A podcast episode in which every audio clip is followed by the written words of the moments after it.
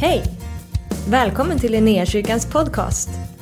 Vi hoppas att det här ordet ska uppmuntra dig, stärka dig i din tro och leda dig in i djupare relation med Jesus. Gud välsigne dig i ditt lyssnande.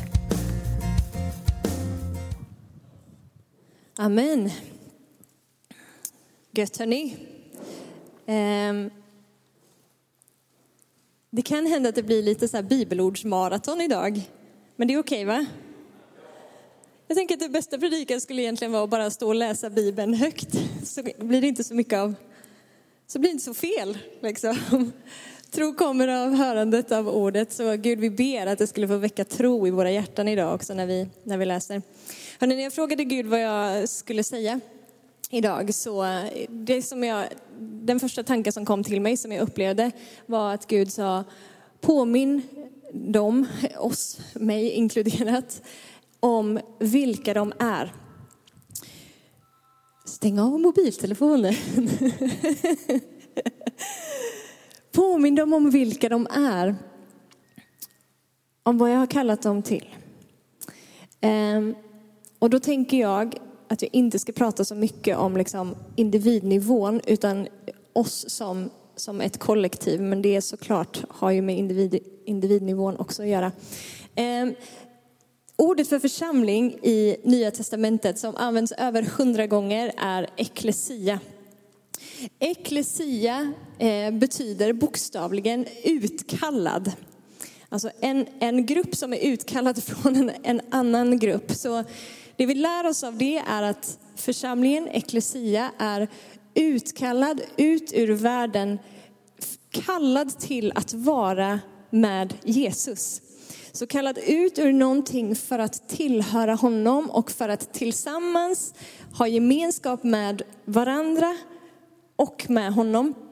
Och jag tänker att jag ska ge er en hel massa olika bibel här, bibelord här nu på eh, vad Gud säger om församling för att påminna oss om vår identitet. Om det är någonting som har blivit lite prövat under den här tiden som vi inte har kunnat samlas så är det väl kanske just det här. Jag vet inte om det är någon mer än jag som har ställt sig själv den frågan. Vad, vad är egentligen församling och hur är man församling när man inte får ses? För församling i våran värld har kanske väldigt mycket liksom handlat om de här väggarna liksom och helt plötsligt så bara tas, tas den grejen bort och bara jaha, och, och nu då, vad händer nu? Vilka är vi nu? Men nu är vi tillsammans igen, nu har vi gemenskap med varandra. Så nu tänker jag, nu bara pepprar vi lite så här identitetsgrejer ifrån Guds hjärta in i våra hjärtan. Känns det som en plan? Bra, för ni har inget val för jag har mikrofonen. Vi ska börja i första Petrusbrevet kapitel 2. Men ni är ett utvalt släkte ett kungligt prästerskap, ett heligt folk, ett Guds eget folk för att förkunna hans härliga gärningar. Han som har kallat er från mörkret till sitt underbara ljus. Ni som inte förr var ett folk är nu Guds folk. Ni som inte hade fått barmhärtighet har nu fått barmhärtighet. Vi läser igen. Men ni är ett utvalt släkte. Ett kungligt prästerskap. By the way, i jag har inte skrivit upp det bibelordet, men i Johannes kapitel 15 så säger Jesus att ni har inte utvalt, er, eh, utvalt mig, utan jag har utvalt er och bestämt om er att ni ska gå ut och bära frukt. Han har utvalt dig, oss. Ni är ett utvalt släkte, ett kungligt prästerskap, ett heligt folk, ett Guds eget folk för att förkunna hans härliga gärningar. Okej? Okay? Utvalt, kungligt prästerskap, heligt folk, ett Guds eget folk. Vi tillhör honom för att vad? Förkunna hans härliga gärningar. Så vi kallade ut ur någonting, till gemenskap med honom. Vi sänds ut med ett uppdrag att förkunna hans härliga gärningar. Han som har kallat er från mörkret till sitt underbara ljus. Ni som förr inte var ett folk är nu Guds folk. Ni som inte hade fått barmhärtighet har nu fått barmhärtighet. Första det blir lite första Petrusbrevet här idag. Man kan nästan gissa att jag har hängt i den boken ett tag och det har jag. Eh, första Petrusbrevet kapitel 1 och 23 står så här. Ni är, födda, ni är ju födda på nytt. Inte av en förgänglig säd utan av en oförgänglig genom Guds levande ord som består. Födda på nytt. Kommer ni ihåg Bibeln säger att Om någon är i Kristus så är han en ny skapelse. Det gamla är förgånget, det nya har kommit. Han har gjort dig ny på insidan. Du har fått en, en ny natur. Du har liksom inte bara så här lagt till Jesus till ditt liv och så fortsätter vi som vanligt, utan någonting helt nytt har, blivit, har skett på din insida. Och det, ibland tar det lite tid för våran egen våra tankar, våran själ, våra känslor att liksom catch up med det som har hänt. Men det har faktiskt hänt. Du har fått en ny natur på din insida. Kolosserbrevet 1 och 13. Han har frälst oss från mörkrets välde och fört oss in i sin älskade sons rike. Det, är, det kommer inte vara så här pepprigt med bibelord hela vägen, men i början så är det lite pepprigt här nu. Eh, Filipperbrevet. Men vi har vårt medborgarskap i himlen och därifrån väntar vi Herren Jesus Kristus som frälsare. Sjukt flummigt. Vi har vårt medborgarskap i himlen. Vad menar du? Vi bor ju här. Jag är svensk. Men du är född på nytt. Du har fått en ny natur. Vi läste, han har frälst oss ifrån mörkrets välde, fört oss in i sitt rike. Där har du ditt medborgarskap, där har du din tillhörighet. Efesierbrevet kapitel 2 säger att eh, du är insatt i Kristus på faderns, som sitter på Faderns högra sida i himlen. Hur den här ekvationen går ihop, att vi är här och där, fråga Gud. Men den går ihop i hans logik. Att det är där du har din hemmavisst, det det är dit du är på väg och himmelriket har tagit, din, tagit sin plats på, sin, på din insida. Jag vet inte om det var någon av er som eh, under någon av våra eh, sändningar på Youtube under den här perioden som lyssnade på när Benjamin predikade om, jag kommer inte ihåg vad du kallade den predikan, men du pratade om kulturer. Eh, och kulturen i världen och och Guds rikes kulturen, men det faktum att en, en ny kultur, en ny doft, himmelrikets doft har tagit sin plats på din och min insida. Och det är därifrån vi orienterar oss, liksom. det är därifrån som vi lever och, och förhåller oss till det som finns runt omkring oss. Det finns en annan doft. Jesus säger så här i Johannes kapitel 18. Jesus svarade, mitt rike är inte av den här världen. Hade mitt rike varit av den här världen skulle mina tjänare ha kämpat för att jag inte skulle utlämnas åt judarna. Men nu är inte mitt rike av den här världen. När vi pratar Guds rike så pratar vi inte om liksom en, en nation eller ett geografiskt rike. Men Guds rike är sfären, platsen där Guds vilja sker. Och det här riket, Guds rike, har en kung och den kungen heter Jesus Kristus. Eh, och när vi blev födda på nytt och blev insatta i det riket så betyder det att han är våran Herre. Det är honom vi står under, det är honom vi svarar under. Vi står inte längre under härskarna och makterna som tillhör den här världen eller den här världens rike, utan vi står och svarar under honom som är kungen. Han som säger jag är huvudet och ni är kroppen. Och hela kroppen får sin näring ifrån huvudet. Jag är vinstocken och ni är grenarna. Utan mig kan ni ingenting göra. Men ni är insatta som grenar, inympade i den här sanna vinstocken. Och ni drar och får ert liv ifrån mig. Så det är honom som, som livet pulserar utifrån, in i oss. Den kulturen som börjar liksom pumpa i våra ådror och i våra vener. Och det är en annan smak än det som finns runt omkring oss. Det riket har en annan, en annan logik. Så här står det i Johannes kapitel 15. Om världen hatar er ska ni veta att den har hatat mig innan den har hatat er. Det här är peptalk från Jesus. Om ni vore av världen skulle världen älska er som sina egna. Men ni är inte av världen, utan jag har utvalt er och tagit er ut ur världen. Därför hatar världen er. Så han säger, kommer ni ihåg vad vi sa om eklesia? Utkallad, kallad ut ur någonting. Det är helt uppenbart att vi fortfarande är kvar i världen. Men medborgarskapet, tillhörigheten, är inte längre i det som är runt omkring. Kall, kallade för att vara tillsammans med honom och ha gemenskap, tillhörigheten tillsammans med honom. Jesus säger i bergspredikan i Matteus kapitel 5 att ni är jordens salt och världens ljus. Saltet sätter en annan smak, eller hur? Eh, det är också till för att liksom bevara eh, förr i tiden när man liksom saltade, saltade in mat och kött och såna här grejer så gjorde man det för att bevara någonting för att, från att ruttna. Att bevara det från förruttnelseprocessen. Det som vi bär på något sätt verkar ha den effekten. Oj, det bläddras av sig självt här i min bibel. Vi har lite så Carola-feeling här på predikan idag. Eh, nu tappar jag bort mig lite. Jordens salt, världens ljus. Oavsett vi vill det eller inte. Det kommer liksom på köpet. När vi blir födda på nytt och får en, en ny natur så blir vi annorlunda. Och det är ju helt uppenbart liksom att Jesus var ju rätt så annorlunda eh, på ett positivt sätt. Och det blev en vattendelare. Alltså vissa människor bara, ge mig.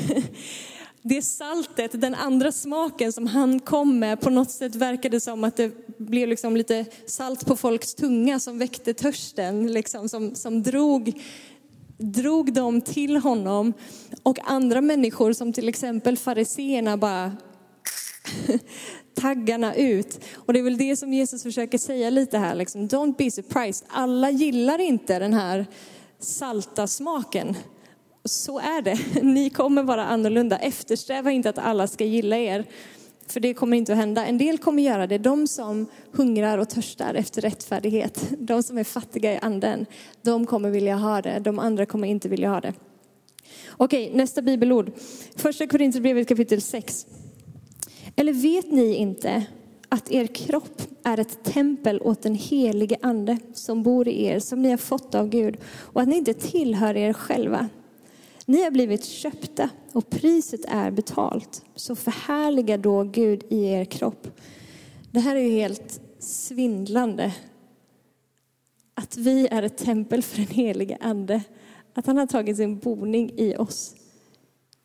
Jag fattar inte det.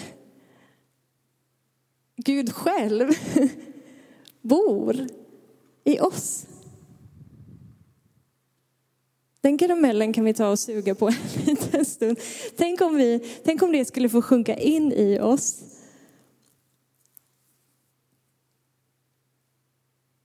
Alltså hur skulle jag leva mitt liv? Hur skulle du leva ditt liv? Om vi hade fått grepp om den sanningen. Att Gud bor i dig. Du är ett tempel för hans egen ande, du är ett tempel för hans närvaro. Bibeln kallar oss för, när, när Paulus skriver sina brev eh, bland annat, så adresserar han församlingarna som de heliga. Det är ett ganska stort ord att kalla någon för de heliga. Men det verkar vara så som Gud ser på vår nya identitet och på vår nya natur. Vad betyder det att vara helig? Helig är ju på något sätt liksom summa summarum av en hel... Alltså varför är Gud helig? Jo, för att han är ren, han är rättfärdig, han är god, han är kärlek, han är trofast, han är nåd. Alla de här grejerna som gör att han liksom skiljer sig från annat. Han är inte lik någon annan, han är helig. Att vara helig betyder att vara avskild. Så när Bibeln kallar oss för de heliga, vad betyder det? Dels att vi har fått del av, av gudomlig natur för att vi är födda på nytt.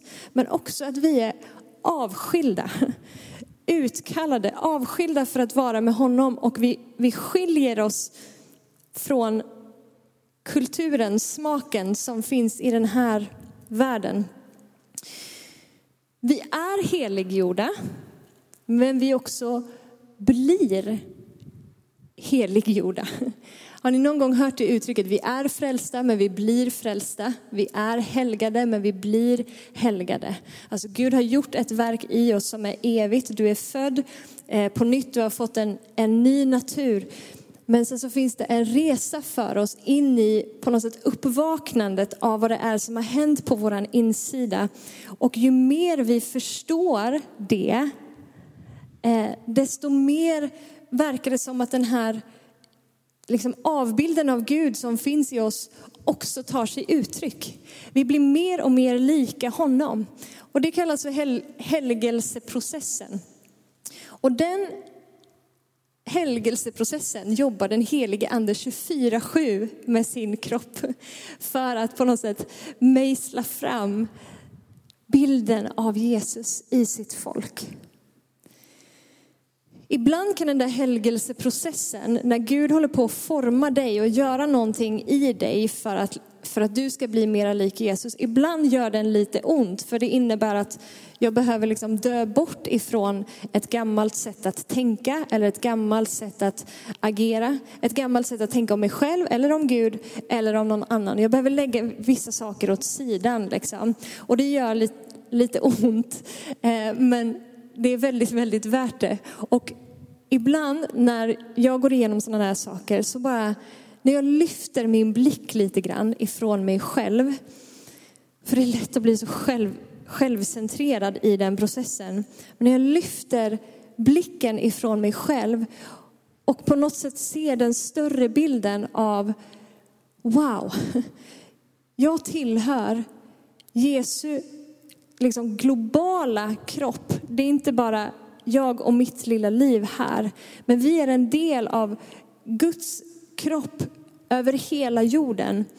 Och det Gud gör, för han säger att en dag kommer han tillbaka. Och när han kommer tillbaka så ska han hämta sin brud, församlingen, utan fläck eller skrynkla. Alltså en församling som är perfekt i hans ögon. Och han håller på att forma sin församling. 24-7 så jobbar den helige ande i ditt och mitt liv för att göra oss mer och mer lika Jesus. För att den här världen ännu mer ska se vem Gud är genom ditt och mitt liv. Och när jag får det perspektivet istället för bara, ah, det här var jobbigt, jag vill inte. Så fyller det mig med sån tacksamhet att bara, tänk att jag får vara del av ett en bild och ett pussel som är sjukt mycket större än mig själv. Som verkligen inte handlar om bara mitt liv och min resa med Gud och min kallelse och mitt och jag och mitt och mina, liksom, mitt självförverkligande och allt vad jag vill att Gud ska göra för mig och mina drömmar och hit och dit. Och Gud bara, ja jag är ledsen men du är liksom du, du, är värdefull och du är viktig och du betyder allt för mig, men du är också en väldigt liten del i ett väldigt mycket större pussel och ett verk som jag håller på att utföra på den här jorden. Väldigt befriande känsla och tanke. Romarbrevet 8. Ni orkar några bibelord till eller? Vi vet att för de som älskar Gud så samverkar allt till det bästa. För de som är kallade efter hans beslut. Ty de som han i förväg har känt som sina har han också förbestämt till att formas efter hans sons bild. För att sonen skulle vara den förstfödde bland många bröder. Och de som han har förutbestämt har han också kallat. Och de som han har kallat har han också förklarat rättfärdiga. Och de som han har förklarat rättfärdiga har han också förhärligat. Att formas efter hans sons bild, det händer ju inte genom vår egen ansträngning. Det är en trumma som vi har bankat ganska mycket på här i Linnéakyrkan. Att vi, vi jobbar inte liksom from the outside in, utan it happens from the inside out. Okay, det är inte att du och jag försöker bli lite bättre kristna och jag försöker bli lite duktig. Jag försöker bli lite mera snäll, lite mera kärleksfull och lite mera fridfull.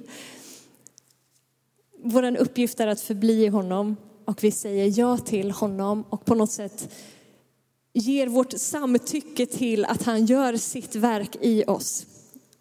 Jag kan välja att samarbeta, to partner med vad han gör i mitt liv och faktiskt säga, ja, okej okay, Gud, varsågod. Mejsla på här i mitt hjärta. Jag kan inte få till det här i mig själv, men varsågod, jag säger ja till dig.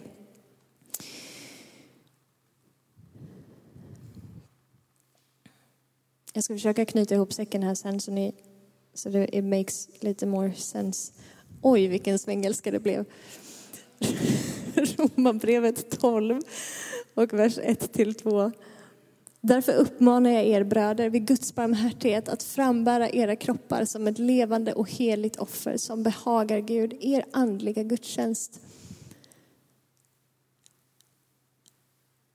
Om någon har ställt sig frågan hur firar vi egentligen gudstjänst i coronatid? Här är ett svar. Frambära era kroppar som ett levande och heligt offer som behagar Gud, er andliga gudstjänst. Och anpassa er inte efter den här världen, utan låt er förvandlas genom förnyelsen av ert sinne. Så att ni kan pröva vad som är Guds vilja, det som är gott och fullkomligt och behagar honom. Okej, okay, vi är utkallade ur den här världen, men vi är i den. Vi är i den men inte av den. Vi har fått en ny natur. Och det är någonting som helt uppenbarligen gör att Paulus känner behovet att säga, anpassa er inte efter den här världen. Eh, utan låt er förvandlas genom, genom sinnets förnyelse. Han skulle inte säga det om det inte fanns en orsak att behöva säga en sån sak. Eh, och det är ju inte liksom rocket science för någon av oss. Man behöver inte vara profet för att, att märka det. Liksom att det finns krafter runt omkring oss som vill försöka få oss att anpassa oss. Att bli precis som alla andra. Varför? Jo, för att budskapet som vi bär på, evangeliet, det sticker i ögonen på folk. För det tvingar människor att ta, ta ställning. Liksom. När man ställs inför faktum, liksom, evangelium här, varsågod det finns en objektiv sanning, du kan välja, tro det här eller inte. Så blir det jobbigt för man måste fatta ett beslut, vilken, vilken väg man ska gå i.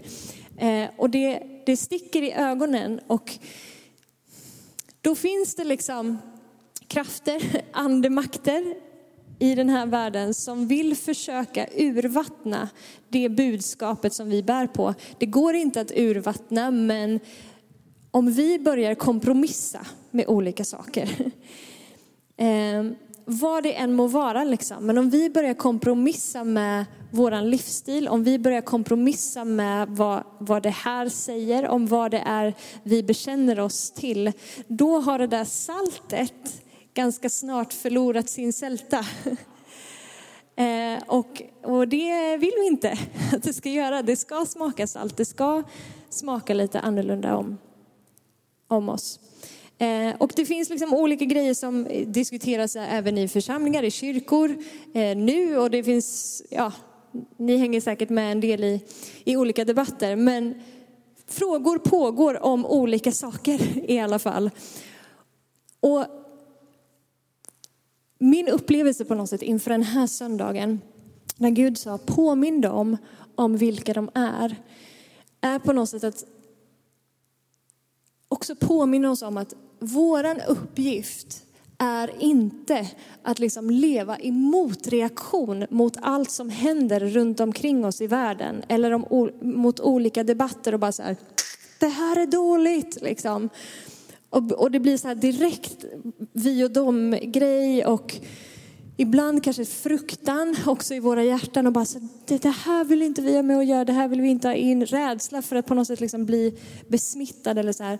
Våran uppgift är inte att leva i motreaktion. Våran uppgift är att leva i respons till han som är huvudet för sin kropp. Det är därför jag har pepprat de här bibelorden i början, för att vi ska igen bara få upp ögonen för vem det är vi tillhör, vem som är herre i det här riket som vi har blivit insatta i, vart ifrån vi drar vår näring och vi fäster vår blick på honom.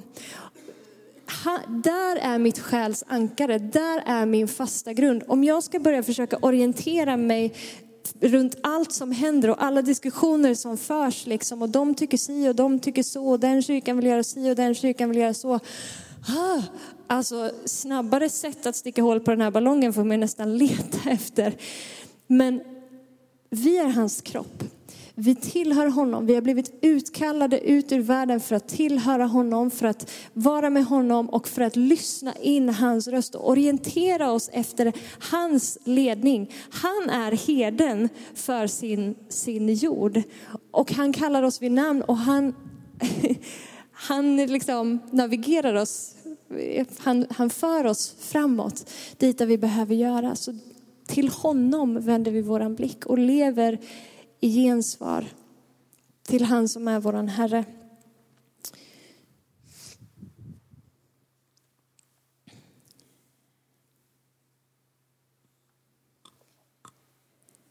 Ett par bibelord till första Petrusbrevet kapitel 1.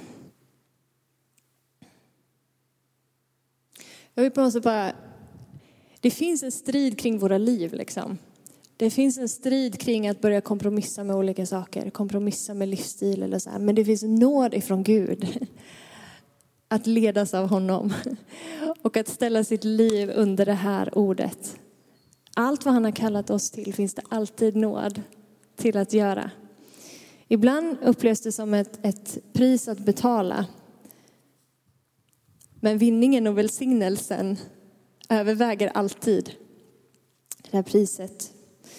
Som lydnadens barn ska ni inte styras av de begär som ni tidigare levde i när ni ännu var okunniga. Nej, liksom han har kallat er helig ska ni föra ett alltigenom helgat liv. Det står skrivet, ni ska vara heliga, ty jag är helig. Det är omöjligt i vår egen kraft. Det går bara i den helige Andes kraft. Det blir möjligt när vi inser att det är omöjligt. Efesierbrevet kapitel 4. Ni däremot har verkligen lärt känna Kristus sådan han är. Ni har fått höra honom förkunnas och blivit undervisade i honom enligt den sanning som finns hos Jesus. Ni har lämnat ert förra liv och lagt av den gamla människan som går under, bedragen av sina begär. Och ni förnyas nu till ande och sinne. Ni har iklätt er den nya människan som är skapad till likhet med Gud i sann rättfärdighet och helighet. Ni har iklätt er den nya människan som är skapad till likhet med Gud i sann rättfärdighet och helighet. Om ni ihåg att jag sa det någon gång i början att vi har inte liksom bara lagt till Jesus i våra liv, utan vi har helt och hållet bytt grund. Vi har helt och hållet fått en ny natur, helt och hållet fått en, en gudomlig natur. Varför? För att vi ska avspegla honom i den här världen. För att människor ska se. Vi bär honom, vi bär hans avbild, vi bär hans budskap. Vi bär inte vårt eget budskap, men vi bär fram hans ord.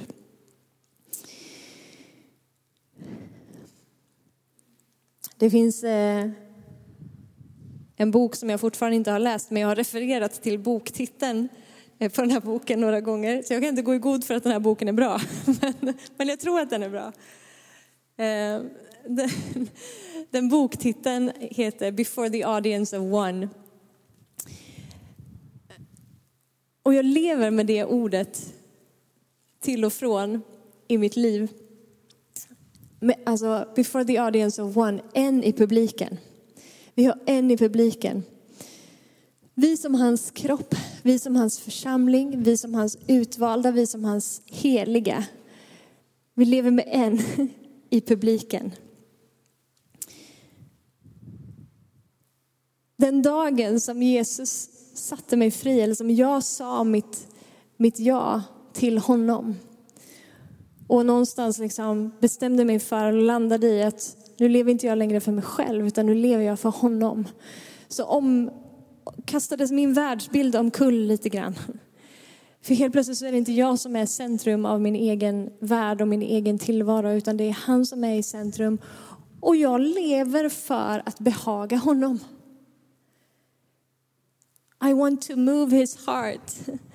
Jag vill leva på ett sätt som är välbehagligt i, i Guds ögon. Och när jag säger det så menar inte jag det på ett sätt att vi måste liksom leva på ett visst sätt för att blidka Gud. Alltså för att typ få honom på gott humör eller få honom att så här, ja, check, bra, nu är det godkänd. Innan, var du, innan du gjorde den där fina grejen, då var du inte godkänd, men nu är du godkänd. Det är inte, det är inte liksom, den planhalvan spelar vi inte på. Jag vill leva för att behaga honom, för att hans behag redan vilar över mig. Insikten i att han har fött mig på nytt, gett mig sin natur, kallar mig för helig, gör att jag vill leva varenda sekund av min dag medveten om hans närvaro i mitt liv och känslig för vad som är välbehagligt i hans ögon och inte. Och ni har säkert gjort samma resa som, som jag i det här, men men när jag sa mitt ja till honom när jag var typ 20 så, så sa jag till mig själv och jag sa till Gud att så här, jag fattar någonstans att det livet som jag har levt innan liksom, i, i, i världen och som en del av den här världen jag, jag, fattar att det inte riktigt verkar vara kompatibelt med, med allting som står här. Men jag vägrar att bara så bestämma mig för att nu ska jag liksom nu ska jag vara liksom bästa kristna människan på denna jord och jag ska göra allting rätt. Bara så att du ska bli glad på mig Gud. För jag vet att jag kommer göra både dig och mig besviken. Jag vägrar gå den vägen. Om du vill att det ska bli annorlunda i mitt liv, då måste du ändra mitt hjärta. Så att jag känner att det som du vill blir vad jag vill.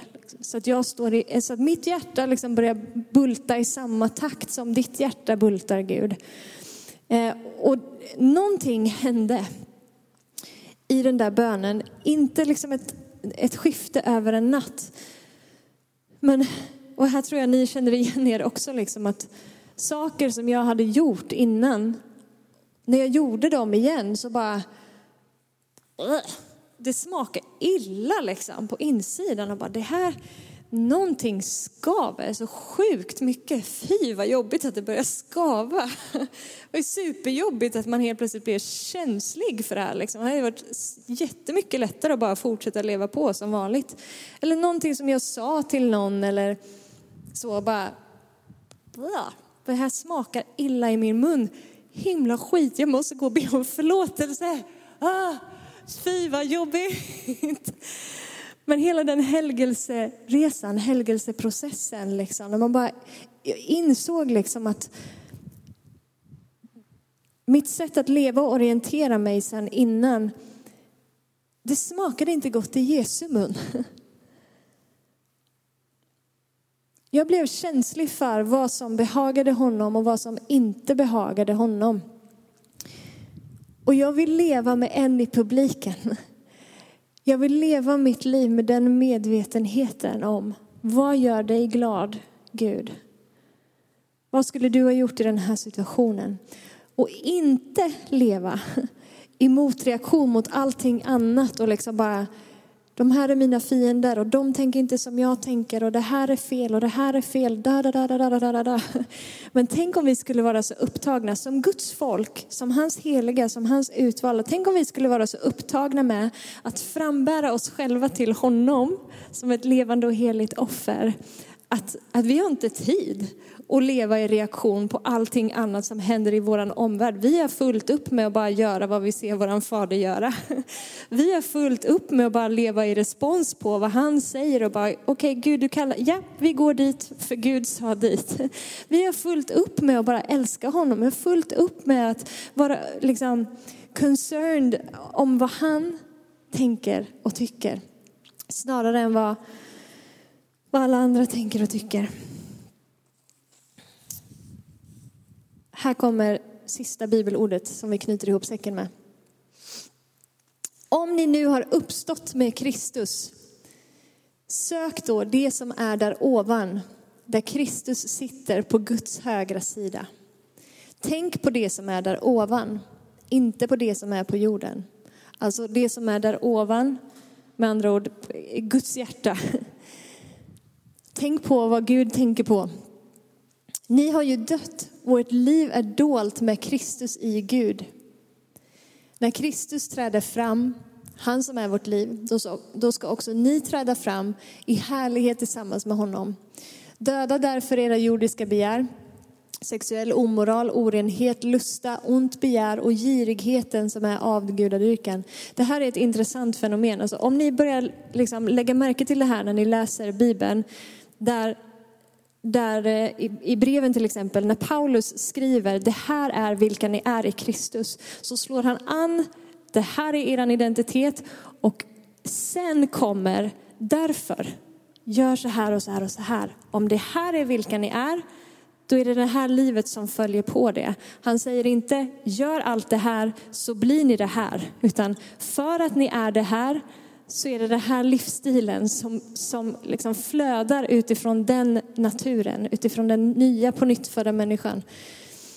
Allt sådant gör att Guds vrede drabbar olydnadens barn. Bland dem vandrade också ni en gång när ni levde i dessa synder. Men nu ska också ni lägga bort allt detta. Vrede, ilska, ondska, förtal och fräckheter från er mun.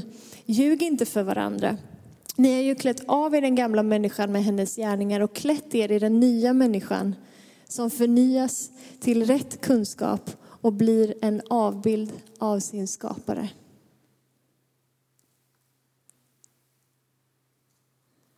Det är som att han säger, lev värdigt eran kallelse. Kom ihåg vilka ni är. Kom ihåg att ni är utvalda. Kom ihåg att ni är på nytt födda. Kom ihåg att ni är min kropp. Kom ihåg att ni är ett tempel för mig. Kom ihåg att ni är grenarna och jag är den sanna vinstocken. Kom ihåg att ni är heliggjorda. Kom ihåg att ni är rättfärdig förklarade. Kom ihåg det. För när ni kommer ihåg det, då händer det här. Ni har ju klätt av er den gamla människan och hennes gärningar och klätt er i den nya människan som förnyas till rätt kunskap och blir en avbild av sin skapare.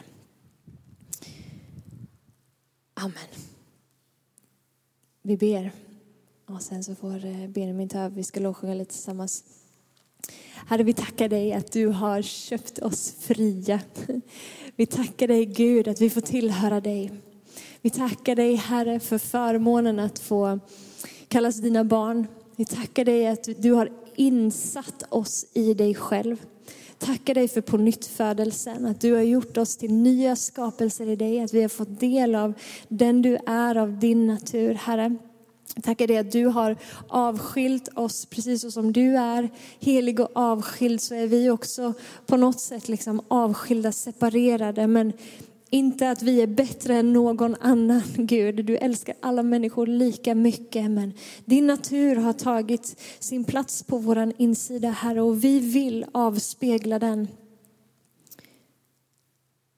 Vi säger vårt ja till att låta dig forma oss, låta dig helga oss, låta dig på något sätt mejsla ut den här avbilden av dig i oss Gud så att vi på ett ännu bättre sätt kan reflektera dig för den här världen Gud. Vi vet att du har kallat oss till dig själv och sänder oss ut med ett budskap Herre, ett budskap som är, som är ditt budskap Gud och vi vill vara så sanna Eh, liksom föredömen, så bra föredömen för det budskapet som, som bara möjligt, Herre. Inte i vår egen strävan, inte i våra egna försök, men utifrån ditt verk i oss Gud och utifrån vår på något sätt pågående uppenbarelse och utökade förståelse av vilka vi faktiskt är i dig. Herre, hjälp oss att leva värdigt våran kallelse.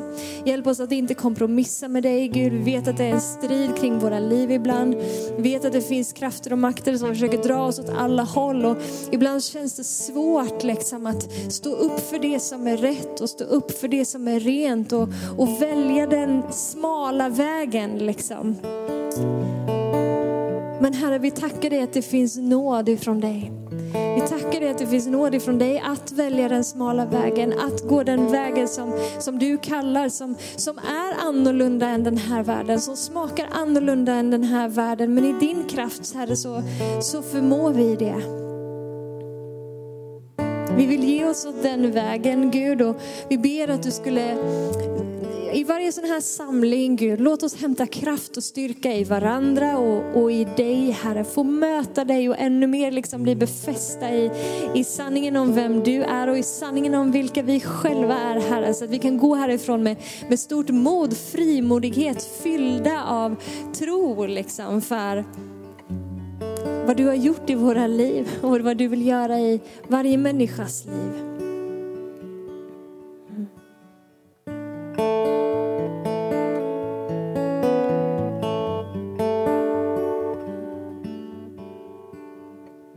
Jesu namn. Amen. Tack för att du har varit med oss. Hoppas du känner dig inspirerad av Guds ord och har fått nya perspektiv.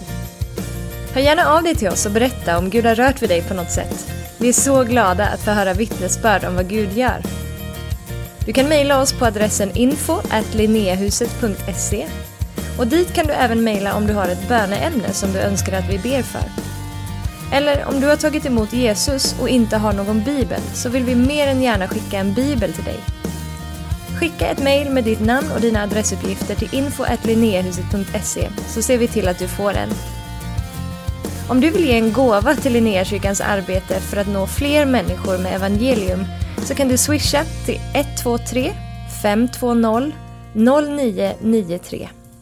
Du kan också besöka oss på linneakyrkan.se för att få mer information. Välkommen tillbaka att lyssna snart igen.